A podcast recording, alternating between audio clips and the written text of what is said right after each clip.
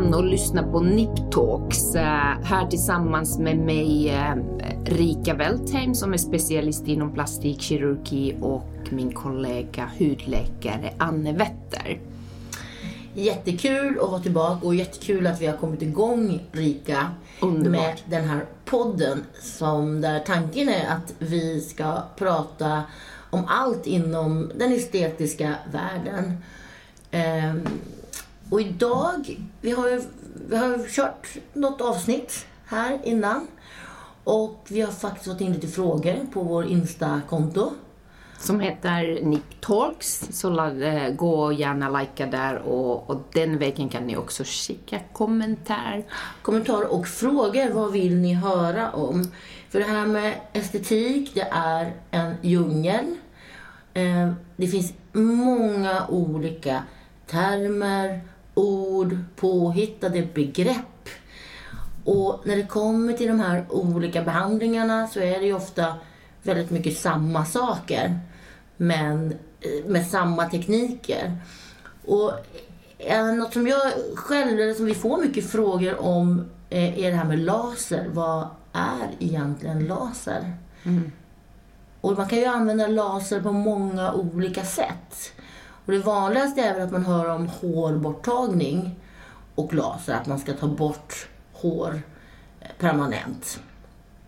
Så det var en fråga. Vad säger du Rika? Är inte det en bra Nej, men jag sak tycker också det. igenom? Även, även till mig som kirurg så det här med laser, eh, jag kan vissa, vissa små detaljer med det, men där är du specialist och det är ju väldigt intressant att höra med tanken på som du säger att det finns hur mycket som helst information och olika namn i marknadsföring så kanske man blir missledd och tror att det här är någonting helt nytt. Istället är det en teknologi som man kanske byter namn och då är det ju det som egentligen finns på marknaden sedan länge. Men det är just därför det är viktigt att titta på vem man söker sig till för att eh, det är också en djungel där det är viktigt att kolla vem har den rätta kompetensen.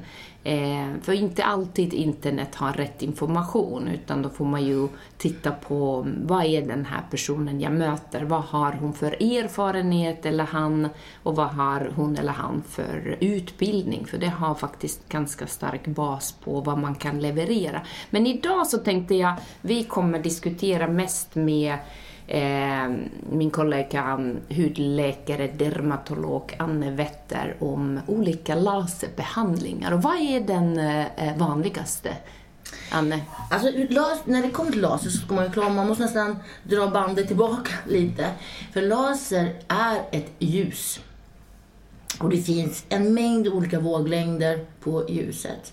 Och därför är det att varje sak som man ska behandla, om vi nu tar hårborttagning som kanske är det vanligaste man hör om, så är det en specifik våglängd som precis når till de här små hårsäckarna.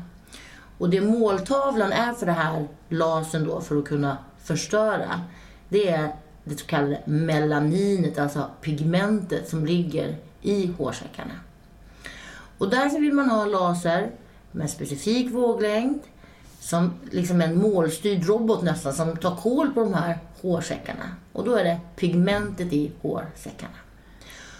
Och ni kanske, du har väl, eh, jag vet inte om det är känt, men jag antar att det är känt att man kan bara ta bort mörka hårstrån. När det är ljusa hårstrån, som tyvärr här uppe i Norden är kanske det vanligaste, eh, så går inte det med laser. Finns ingenting?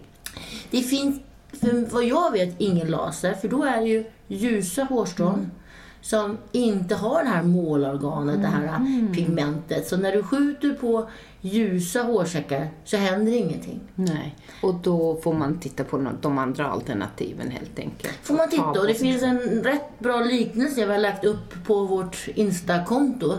Där det är tre olika ballonger. En svart, en röd och en vit ballong. Och så skjuter man på dem och då ser man att den här vita, det går bara igenom, det händer ingenting. Det är likadant med den röda, men den svarta, pang, den exploderar på en gång. Och det är bara som en liten liknelse att man kan titta gärna på den för då får man en förståelse för hur viktigt det är att den här Färgen. laserstrålen och vilken färg det är. Så att genomgående på eh, olika typer av lasrar så gäller det att hitta vad är det man behandlar. Och som sagt i det här fallet då pig, eh, hårborttagning, pigmentet i Hårsäcken. hårsäcken. Ja. Och sen är det en aspekt till på eh, just, om vi nu bara pratar hårborttagning, eller generellt faktiskt på laser, att man kan inte behandla laser på mörk hud generellt. Vad händer då, Rika? ja, men det är det här med pigmentet? Precis.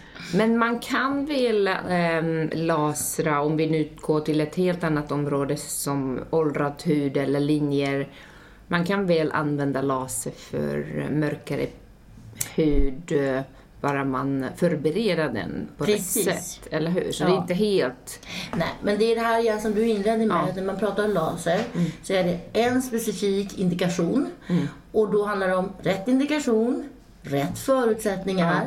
Så det optimala just när det kommer till hårborttagning då, det är ljus hud, mörka hårstrån. Hårstrån. Då blir det jättebra. Ja. Men har man då lite färgad hud och mörka hårstrån, absolut, man kan försöka. Men risken är då att man bränner huden omkring. Ja, För den här lasern har ju ingen hjärna, även om man Nej. önskar det. Och många tyvärr verkar tro det. Så lasern är, det gäller att man har rätt förare bakom lasern. Ja, just det. För om man då Definitivt. behandlar Absolut. en, eh, mörk hud Mm. så vet ju inte lasern om det är det mörka pigmentet i hårsäcken Mm. eller det mörka pigmentet på huden. Absolut. Intressant. Men där finns det, just den lilla, lilla indikationen så är det så att har man då mörka hårstrån på en mörk hud så finns det sätt att behandla det. Då är det en annan typ av våglängd som heter MD-JAG som är en, en eh, Så man väljer då... viss en- våglängd. Man kan försöka men det är verkligen eh, Svårt. specialområden och det Ja. går att göra men generellt. Ja. Och um, vad, vad, vad mm, behandlar man med laser annars? Vad är det liksom som folk söker? Alltså allt. Och det är igen här med hur benämner man de här olika begreppen eller ingreppen. Eh, något vanligt som jag tror du har sett flera gånger Rika, eh, det icke-invasiva ansiktslyftet till exempel. Så man då tycker att man kan uppnå samma resultat med en viss typ av laser och nästan kan jämföra det med en, en ansiktslyft. Kan man det? Och det tycker inte jag att man kan. Nej. Det är två helt olika saker. Men det kompletterar varandra. De kompletterar varandra. Som allt inom estetik nästan är som jag ofta säger, det är inte att vi väljer från en sak eller det andra eh, oftast, utan det är, man kan ju börja med en sak och sen finns det ju en hel uppsjö som kompletterar varandra. Så det är inte antingen eller, utan helhet. Det är som Eh, livet. Man vill inte ha antingen eller. Man vill ha både och. Allt. För det är så att då blir det samtidigt. Eller hur? Men, ehm, och rätt, igen då, rätt Ja. indikation. Men tillbaka, alltså, Men- om det är så att man vill ha det här då, icke-kirurgiska Lyftet. ansiktslyftet. mm, vad gör man då? Då, om, vi, om det bara är laser nu Ja, pratar om. ja. Så finns det absolut en laser och ytterligare olika våglängder. Och laser har ju, beroende på våglängden, så ser man hur djupt den går ner i huden. Har man en längre våglängd så går det längre ner i huden. Och beroende igen på hur lång den är och vilket det här målorganet är, om det är, kan vara kärl till exempel, det röda pigmentet. Det kan vara som vi sa pigment och det kan vara vatten. Och ofta när det rör sig om de här icke-invasiva våglängderna då är det mer vatten som man slår på då. Och att man vill eh, ta bort huden i ansiktet, alltså rynkor till exempel, eh, som ligger ytligt. Koldioxidlaser, erbium-jagg-laser är det vanligaste. Och så kombinerar man det då med en annan typ av våglängd som är mer som en värmebehandling för huden. Och då går man lite djupare ner och så kan man likna nästan med att koka ett ägg. Man värmer helt enkelt upp proteinerna och man får liksom en skada i underliggande vävnad. Fast en positiv skada. Just det. Som gör att När man gör det huden tajtas, den stramas upp. Det är absolut ingen quick fix men man ser effekter Mm. efter någon månad när huden har regenererat sig. Den stramas upp. Och det är väl det man kallar då med det här icke-invasiva ansiktslyftet. Och det är en superbra behandling när den görs rätt. Och man kan få jättefina eh, resultat på rätt patient.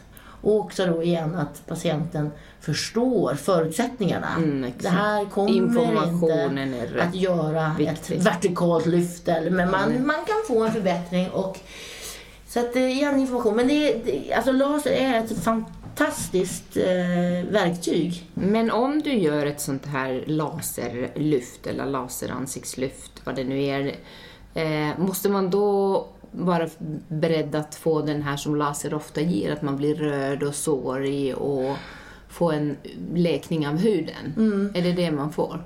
Och det beror ju på eh, hur ag- aggressiv man är.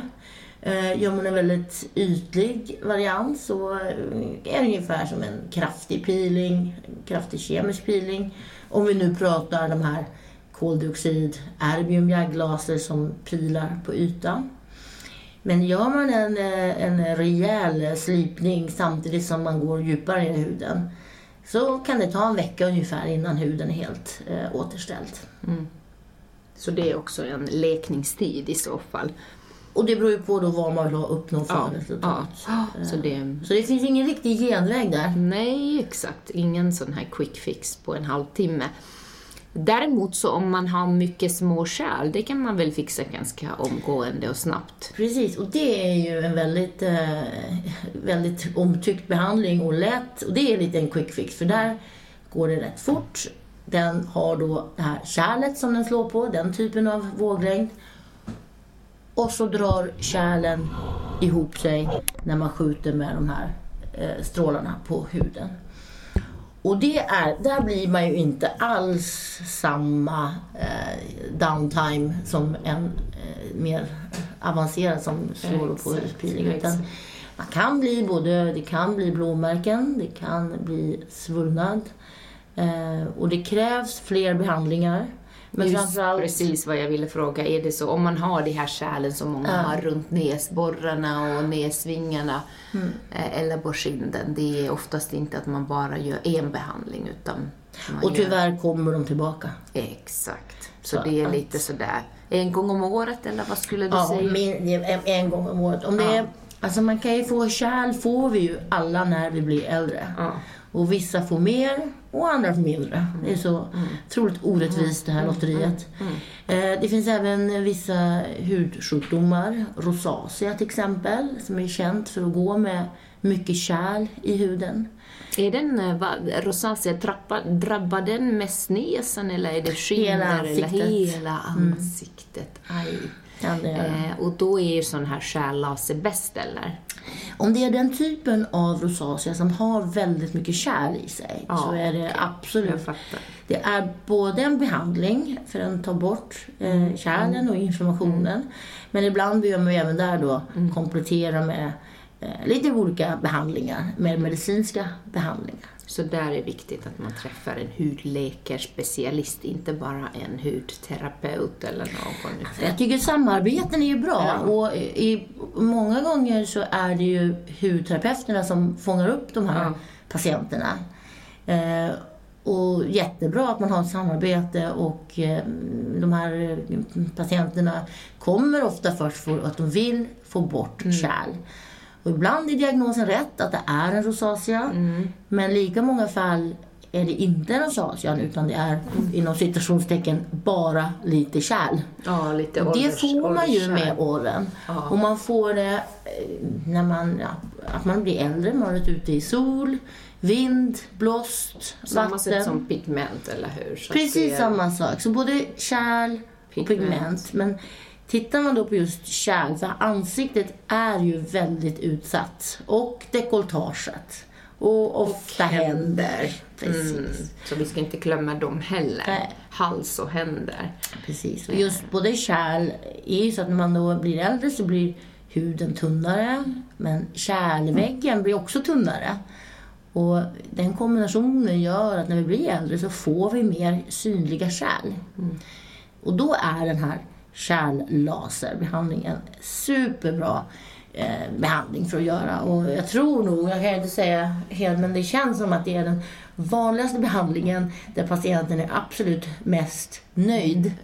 Och lite kanske då en, eh, om man nu säger så, inkörsport till att bry sig lite mer och göra lite mer och se hur enkelt det kan vara att få känna sig lite fräschare. Men um, om man nu gör såna här skärlaser på kinderna eller lite under ögonen också, eh, påverkar det hudkvaliteten också eller är det bara... Mm, det gör det faktiskt. Eh, om man, har man gjort det här några gånger så får man en uppbyggnad även i hudens kollagen och mm. elastin. Det är väl skönt, för då får man liksom inte bara bort de här röda spider-kärlen utan mm. man um, får bättre hudkvalitet. Så det, det Stramare, fastare. Och nu har vi pratat kärllaser, men sen finns det en, en behandling som heter IPL, Intermittent eh, Pulse light som är ett ljus. Det är som, många blandar ihop det här. Och det är också en fantastiskt bra behandling för just kärl, uppbyggnad, eh, stimulering av eh, ålderseffekter i huden. Mm. Mm, Okej, okay, så två olika sätt att behandla dem. Och är det någonting som man då kan också använda när man får breda kärl eller vidgade kärl i benen? Eller, eller är vi på annan teknik då? Alltså man kan, kärl på benen är lite svårare. Och vi får ju kärl på benen av tyngdkraften mm. och igen, vi blir äldre, de blir utvidgade. Eh, man kan absolut, vissa tunna kärl, få effekt av laser. Men ofta brukar jag där rekommendera att man sprutar, sprutar in ja. ett medel som heter etoxysklerol som gör att kärlen löds samman så att man får... Eh, och sen kan man komplettera med en sån här laserbehandling efteråt för att få bästa resultat. Även i benen? Även på benen. Mm. Vad gör man då? Då är det precis samma typ av laser som vi har pratat om. Är det, är det för att ta de sista små ytliga? I sista små ytliga, precis. Ta bort mm. lite andra missfärgningar mm. på benen. Trevligt. Trevligt! Men gör det inte jätteont? Det är sticken i kärlen. Exakt. Nej, jag tänkte den här lasern, när du lasrar i benen. Benen är ganska känsliga. Jag tror det gör mer ont att sticka ja, med kärl. Ja, det gör det. Gör det. Men det är ett eh, komplement. Ja. Men när du, när du behandlar kärl i ansiktet, eh, går det bedöva, går det bedöva samtidigt? Eller måste man ju undvika emla eller bedövningssalva? Eller? Tyvärr, ja, måste man undvika hur? det. Så bedövningen För... drar bort dem. Mm, jag fattar. Här... Så då får man lida pin. Vill man bli av med dem så blir det lite där är det att lida. Och det gör sjukt ont kan jag säga. Eller alla upplever det olika. Jag använder den här maskinen själv. Jag älskar den för mina rosacea-kärl på kinden. Och det blir ju en ljusblixt. Och det, har du testat Rika? Ja, du har gjort till mig också länge sedan nu. Ja. Man hinner aldrig. Men, eh, men eh, jag tycker den maskinen som du har, den har väl någon kyl... kyl Kyla hjälper tycker det jag. Det hjälper, men den jag gjorde på dig, det ja. var faktiskt inte den här för kärl. Nej. Nej. Utan den här för kärl, ja. då smäller det till som ett det. Och det är klart, det är ju inte, det går ju, ja. det är inte så, men det gör, man ska vara ja. ärlig och säga att det smäller till. Man får ta en Alvedon innan. Men det är ingen fara, det, det tar tio minuter. Ja, Sen är det, exakt. Och det gör inte ont efteråt Nej. det kan sticka. Och det är Men jag vet, det blir fantastiskt. Ja. Absolut, jag älskar den behandlingen. Ja, och just då att man inte kan lägga sån här bedövningssalva mm. i ansiktet för då drar kärlen ihop sig. Ja. Att det, det... Men det, det är kanske den behandlingen som mest gör att man äh, känner, precis som du säger, man kan vara osminkad ja. En, lördag eller känna sig ändå fräsch. Ja. För, för kärl och pigmentfläckar, de gör ju att vi, vi ser lite slitna ut. Tyvärr. Det, precis, tyvärr. tyvärr. I kombination med rynkor. Och, ja, med men framförallt tycker jag det är kul när man har gjort det här, när man, när man kommer tillbaka sen på uppföljning efter tre till sex månader. Mm. Så är det precis den här effekten att de känner att de Eh, få tillbaka lite av livskvaliteten. Att man inte ja. har det här kärlen. Och har man stora kärl så är ju en del också att man flushar lite lättare, man blir rodnad lite lättare. Eh, och det kan, det kan faktiskt göra lite ont i huden också att ha de här. Men om att, man har så här riktigt stora kärl, till exempel under ögonen, de går väl inte laserbehandla? det eller? går. Om det är, de, ofta är de lite större Mhm. och är, ligger lite djupare och har ofta mer en blå färg. Mhm. Så det går absolut att få det bättre. Ja. Eh, under ögonen är det klart ett lite större eh, ingrepp. Man får ofta lägga linser i ögat Ja, för det, att kunna på behandla. Så det är lite större, det är lite större grejer att göra men det blir ju väldigt fint. Och många då som kommer och tror att man, eller kommer frågan om att ta bort det här blåa under Mm. ögonen. Och så tycker de själva att de är håliga. Mm. De har hört talas om olika typer av främst injektionsbehandlingar som tar bort det här blåa under ögonen. Men då tittar man och så ser man att det är faktiskt bara stora kärl som Stora ligger kärl, där. exakt. Så börjar man då försöka få bort de kärlen så upplever man ofta att man inte är lika blå under ögonen. Mm, just det. För har man, har man inte det, då kan man ju vara blå under ögonen av att man har minskat volym. Hur? Man får Precis. ett sån här tårdike. Och den kan man ju lyfta med injektionstekniker. Precis. Inte alltid. Om man är lös i huden och, och åldern har gått vidare, då är det bättre att träffa mig och göra ett kirurgiskt ingrepp och lyfta. Eller börja med laser. Eller börja med laser, Tightening. exakt, exakt. Men då, då får man ju en annan hud, hudtajthet och har man tajtare hud så, så syns ju allt underliggande mindre. Det är också det här, precis som du säger, huden blir tunnare och tunnare och, och när den blir lite skrynklig och lös, då syns allt under. Så att lyfter vi det så får vi en föryngring.